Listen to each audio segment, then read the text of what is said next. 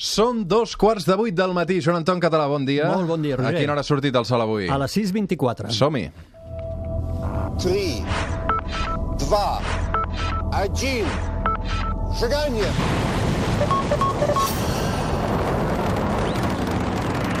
One small step for man, one giant leap for man. Joan Anton Català, com va la vida? Molt bé, molt bé, va. Fas bona cara per matinar tant els diumenges. Ah, ja saps que m'encanta ser aquí. Deu ser cosa de l'energia fosca, això, que comentàvem la setmana passada, que és un tema que encara no m'he escoltat tres vegades al podcast i encara no he acabat d'entendre. Eh, això és que no ho he explicat- això que no ho he explicat bé, No, això que el, que el director d'aquest programa no hi acaba de... No, segur que això Sempre no és. era un tio de lletres i no de ciència. Joan Anton, tot bé? Tot perfecte. Uh, màster en astronomia, astrofísic, químic quàntic, tot això és el seu currículum, no el meu, autor del 100 qüestions uh, sobre l'univers de la novel·la juvenil Projecte Galileu uh, i també aquestes últimes uh, mesos presenta guia d'observació del cel per nois i noies de totes les edats, bàsicament, perquè és un llibre que jo tinc i que va molt bé també per consultar algunes de les coses que cada diumenge comentem al suplement. A veure, Joan Anton, hem llegit aquesta setmana al portal space.com que diu Nova York queda destruïda per un asteroide en una simulació. Sí. De què va això? Això és xulíssim. Cada any hi ha una conferència científica on participen les principals agències del món, agències espacials del món, i simulen que es detecta un asteroide en via de col·lisió contra la Terra i llavors posen en marxa durant aquesta setmana de la conferència tota una sèrie de mecanismes per eh, aturar, desviar, salvar-nos d'aquest objecte. Cada dia de conferència que passa són uns quants anys. Eh? I per tant, hi van provant experiments i van mirant com tenim la tecnologia. Altres anys havien salvat París o, o Tòquio i aquest any no han pogut salvar eh, New York i un asteroide ha caigut, eh, de fet crec que cau l'any 2027, és fictici, eh, qui estigui escoltant això, és fictici, cau al 2027 i aniquila la ciutat de Nova York, no l'han pogut salvar, és interessantíssim. Mm. Cada any es carreguen una cosa diferent. Sí, però altres anys havien salvat, eh? havien salvat París, mm. havien salvat Tòquio, eh, però aquest any no han pogut. I quan tu et llegeixes, que potser n'hauríem de parlar alguna vegada, quan tu et llegeixes què han estat fent i per què no hem pogut ser capaços de desviar aquest objecte, dius, déu nhi eh? perquè hi ha temes polítics també que ells simulen com si fos un joc, eh? però, són, però són científics, no estan jugant. De estan geopolítica que no s'han pogut posar Ah, d'acord. exacte, i... per exemple. Eh? Molt bé, doncs això és l'actualitat. El que deixa de ser d'actualitat és el planeta amb el qual avui ens fixarem, perquè fa, anys, fa més anys que tu i jo que hi és. A veure, uh, pistes. Avui anem a un planeta on hi cabrien 740 terres dins. Exacte, imagina't. A veure, va, segona pista. va. Segona pista. És un planeta que, si poguéssim construir una piscina suficientment gran, aquest planeta suraria, no s'enfonsaria. Suraria. Sí. Té un ull enorme en el seu pol nord. Mm, un ull. Un ull eh, enorme. I atenció a aquesta, aquesta és pista. fàcil, eh? Ja estic... Ja. Ja el tens? Sí. Va, però escolta aquesta. Conté dues tones de material artificial que ha fet, ha construït una civilització a la seva atmosfera. No tinc ni idea. Ah, i ja l'última, és que si et dono l'última ja no hi ha confusió, i veure. l'última és, és el veritable senyor dels anells. Doncs avui diria que amb el Joan Anton Català viatgem fins a Saturn. Going back to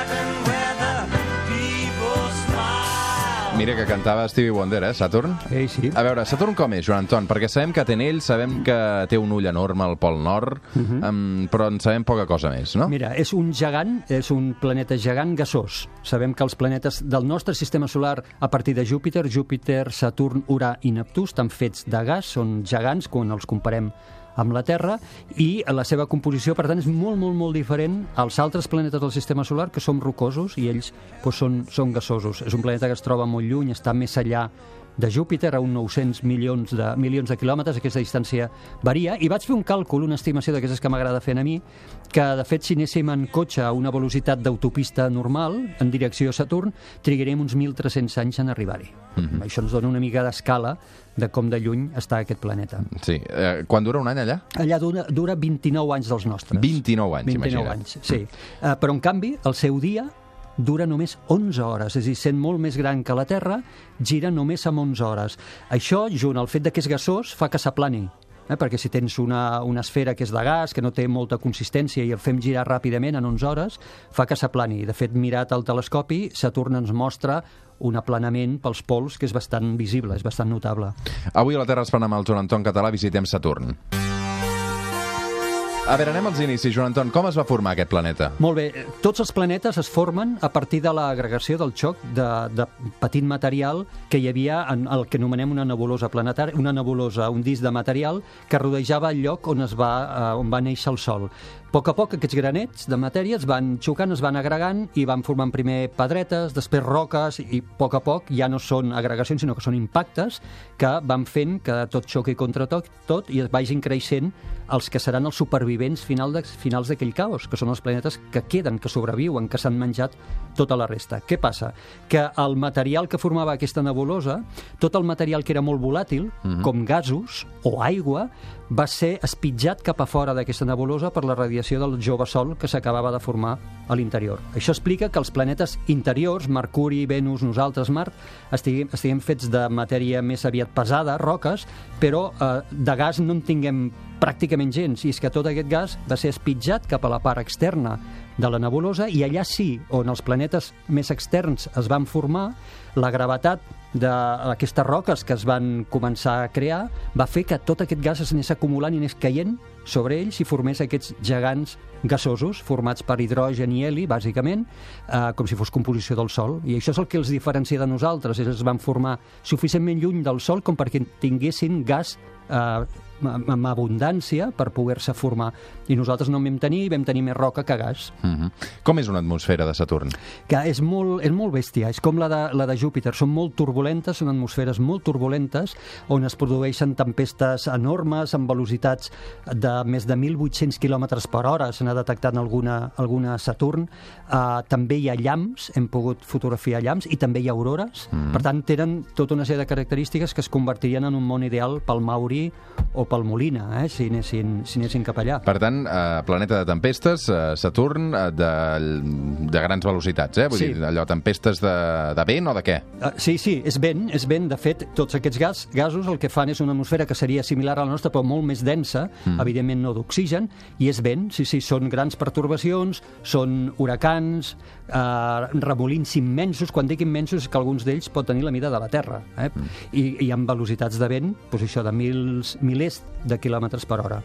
Saturn té un ull en el seu pol nord. És una de les Sí. pistes que donàvem. Què vol dir això? Això és que es va detectar per una de les sondes que hi, que hi va anar, que la va estar orbitant, que es deia Cassini, vam detectar una tempesta permanent, permanent, mentre l'hem estat observant, no sabem si sempre hi ha estat o no, probablement no, eh, en forma d'hexàgon, sobre el seu pol nord. Això, per tant, seria una tempesta de l'alta part de l'atmosfera, per això la veiem, en forma d'hexàgon pràcticament perfecta. És increïble de veure perquè la natura a vegades té unes formes de crear geometries que són increïbles, són perfectes, no? I aquesta és un hexàgon, una tempesta molt gran sobre mateix del pol nord de Saturn, que creiem que és degut a la ràpida rotació del planeta i aquests vents tan eh, bèsties que hi ha, però bueno, clar, no hauríem d'anar-ho per a- anar-hi per acabar d'estudiar com es forma i com evoluciona una tempesta d'aquest estil. I superfície també en té? Sí, llavors, no és superfície com nosaltres l'entenem. Dintre del planeta, per com he explicat que es creen, ha d'haver-hi roques, eh? perquè aquestes primeres agregacions de material que jo explicava que es van produir en els primers milions d'anys de creació del sistema solar també es van produir amb els planetes gasosos i per tant, tant Júpiter com Saturn dins tindrien nuclis eh, fèrrics i nuclis rocosos més grans que la Terra, fins i tot. Però què passa? Que com que hi havia molt de gas al seu voltant, tota aquesta gravetat va fer que acumulessin gas. Llavors, no hi ha una superfície com l'entenem en aquí. Aquí una superfície en un planeta rocós és que tu immediatament, sobtadament, passes de tocar terra, de superfície, a l'atmosfera. Sobtadament, és a dir, en un mil·límetre o menys d'un mil·límetre que t'aixequis de terra, ja no estàs tocant a terra, estàs en un planeta gasós, no és així. Tu aniries endinsant-te a la seva atmosfera, aniries caient cap dins i cada cop el gas estaria més dens, l'atmosfera pesaria més, tu, a tu t'esclafaria, però imaginem que la teva nau sobrevisqués, no arribaria cap moment en què tu poguessis posar-te sobre, en peu, sobre algun lloc que diguessis això és la superfície. Eh? Mm -hmm. Seria com una transició contínua entre primer gas, després gas molt comprimit, comprimit, després gas en estat metàl·lic, però no hi hauria un punt en què de sobte és gas metàl·lic i per sobre és gas gasós, diríem.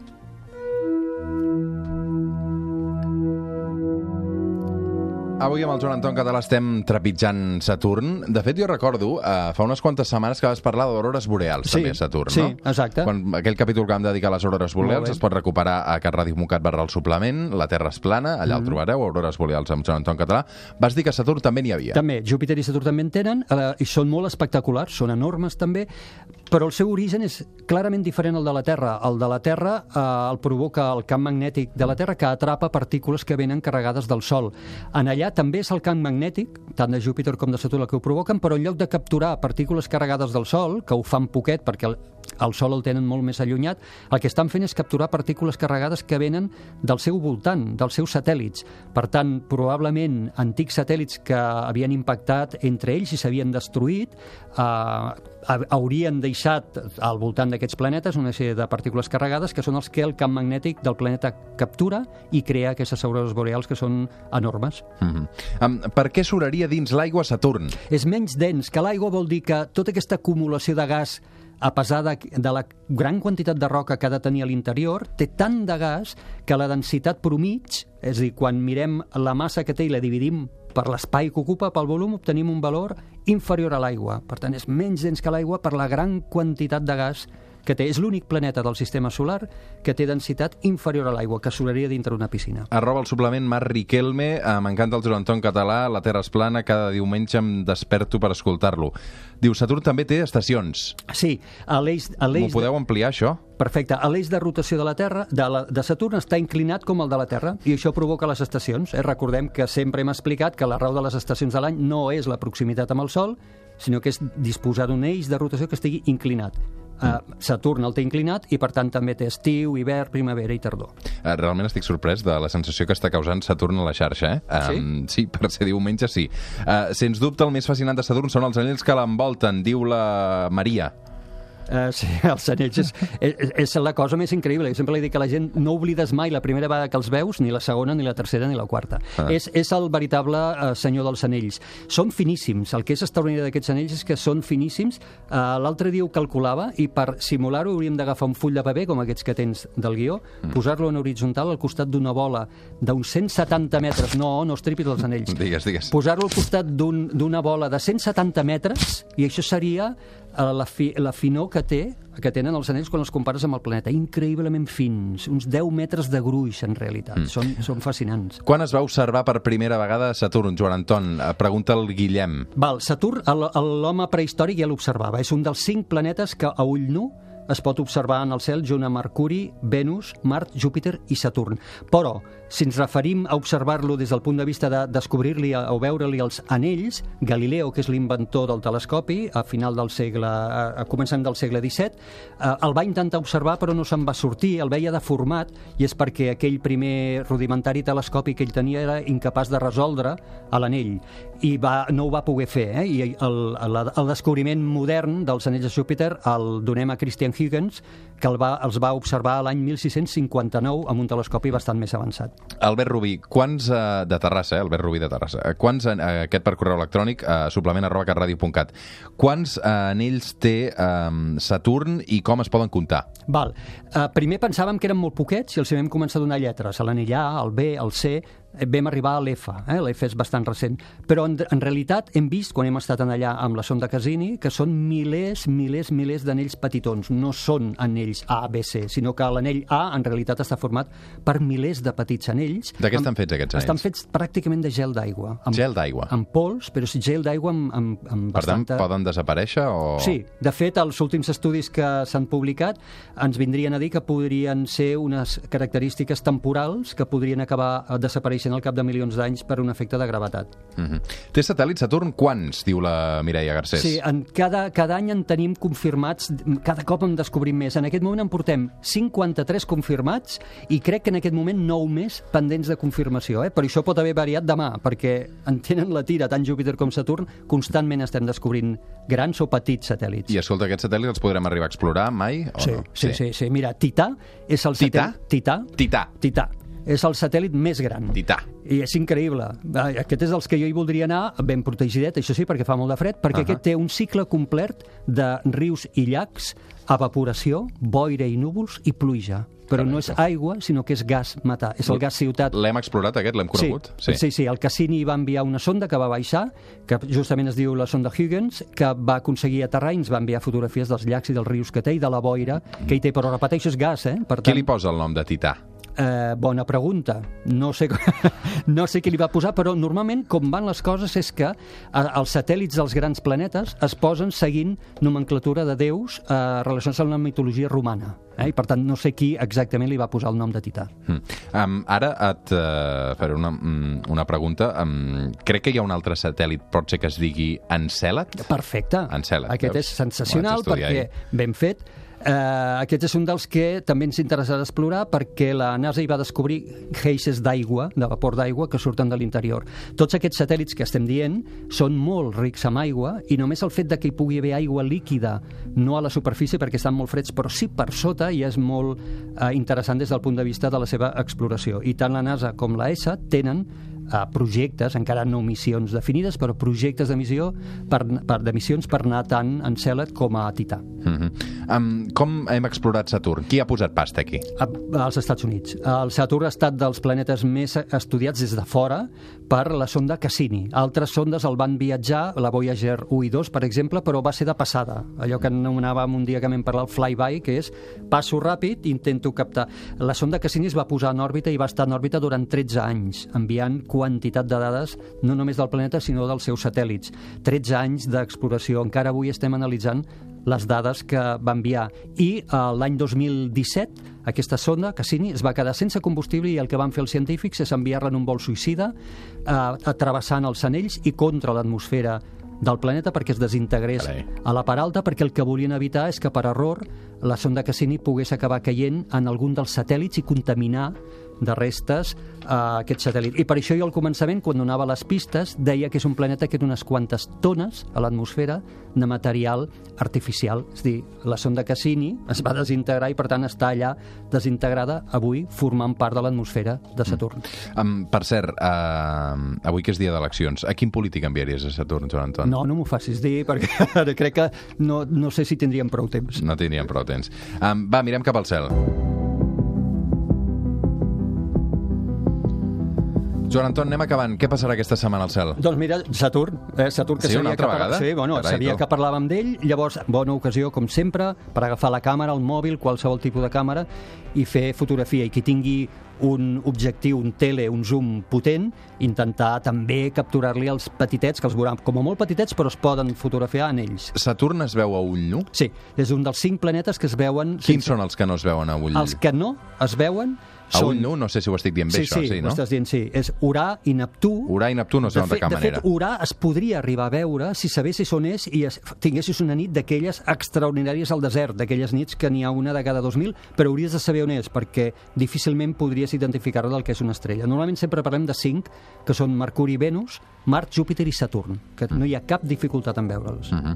Doncs ens ho apuntem. Aquesta setmana um, Saturn està de moda, per tant, uh, ho podem observar. Joan Anton, moltes, moltes gràcies. Et deixem. Gràcies. Um, que no sé si t'ha tocat ser president de mesa electoral no, alguna no m'ha vegada. tocat. Sí, sí, alguna vegada sí. Saps? T'ha tocat sí, sí, alguna sí, vegada? Sí, no, sí, vull dir, avui tant. hi arribaries a Clar, temps, eh? avui ja no hi arribaria, exacte. No, sí, sí que hi arribaries. Va, va, però molt justet, depèn d'on m'hagués tocat. Sí. No, en principi on estàs empadronat, no? Ah, Tampoc Sant et Cugat. fer- Sant Cugat. Sí, sí. Vull dir que et deixarem anar a votar. Um, faràs, tu ets dels que fas cua per votar o no? Eh, normalment quan hi vaig, no, jo ja trio moments... Allò, per- l'hora del dinar. Sí, l'hora del dinar... normalment sempre vaig a l'hora de dinar. Jo també. Jo després de dinar normalment acostumo a anar. Veus aquells senyors allà menjar-se un entrepà i que estic sap greu, no? I t'acompanyo el sentiment. Alguna vegada m'ha tocat, eh? Menjar un Aquell entrepà allà.